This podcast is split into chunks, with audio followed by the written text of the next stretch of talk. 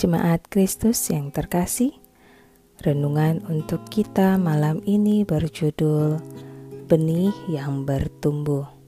Dan bacaan kita diambil dari Markus 4 ayat 26 hingga 29. Beginilah firman Tuhan. Lalu kata Yesus, Beginilah hal kerajaan Allah itu seumpama orang yang menaburkan benih di tanah, lalu pada malam hari ia tidur, dan pada siang hari ia bangun, dan benih itu mengeluarkan tunas, dan tunas itu makin tinggi. Bagaimana terjadinya? Tidak diketahui orang itu. Bumi dengan sendirinya mengeluarkan buah. Mula-mula tangkainya lalu bulirnya, kemudian butir-butir yang penuh isinya dalam bulir itu. Apabila buah itu sudah cukup masak, orang itu segera menyabit, sebab musim menuai sudah tiba. Setiap petani pasti berharap agar setiap benih yang ditabur tumbuh dengan subur dan menghasilkan buah terbaik. Karena itu, ia menyiapkan benih terbaik, menyuburkan tanahnya, dan mencari musim paling tepat, serta menunggu benih itu akan bertunas dan terus bertumbuh. Tetapi si petani tidak akan pernah tahu bagaimana benih itu akan berproses dalam tanah hingga kemudian bertunas. Ia tidak pernah mengetahuinya.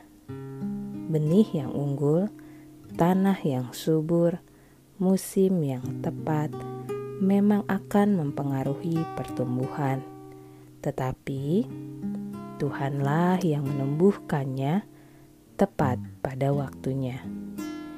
Yesus menggunakan perumpamaan tentang benih ini untuk mengajar para muridnya bahwa setiap benih firman yang diberitakan suatu saat akan bertunas, bertumbuh, dan berbuah. Seperti seorang petani yang tidak pernah tahu bagaimana benih yang ditanamnya bertumbuh. Demikianlah benih firman itu bekerja secara tersembunyi dan rahasia tidak terlihat oleh mata. Tuhan telah bekerja dengan caranya untuk menumbuhkan benih firman yang didengar seseorang, dan bagaimana terjadinya, tidak seorang pun mengetahuinya. Tuhan pasti menumbuhkan benih firman itu dalam hati seseorang menurut waktunya yang tepat ketika kita dipercaya Tuhan untuk memberitakan firman-Nya, kita tidak perlu mengkhawatirkan seperti apa pengaruh firman itu pada orang-orang yang mendengarnya, atau seperti apa hasilnya.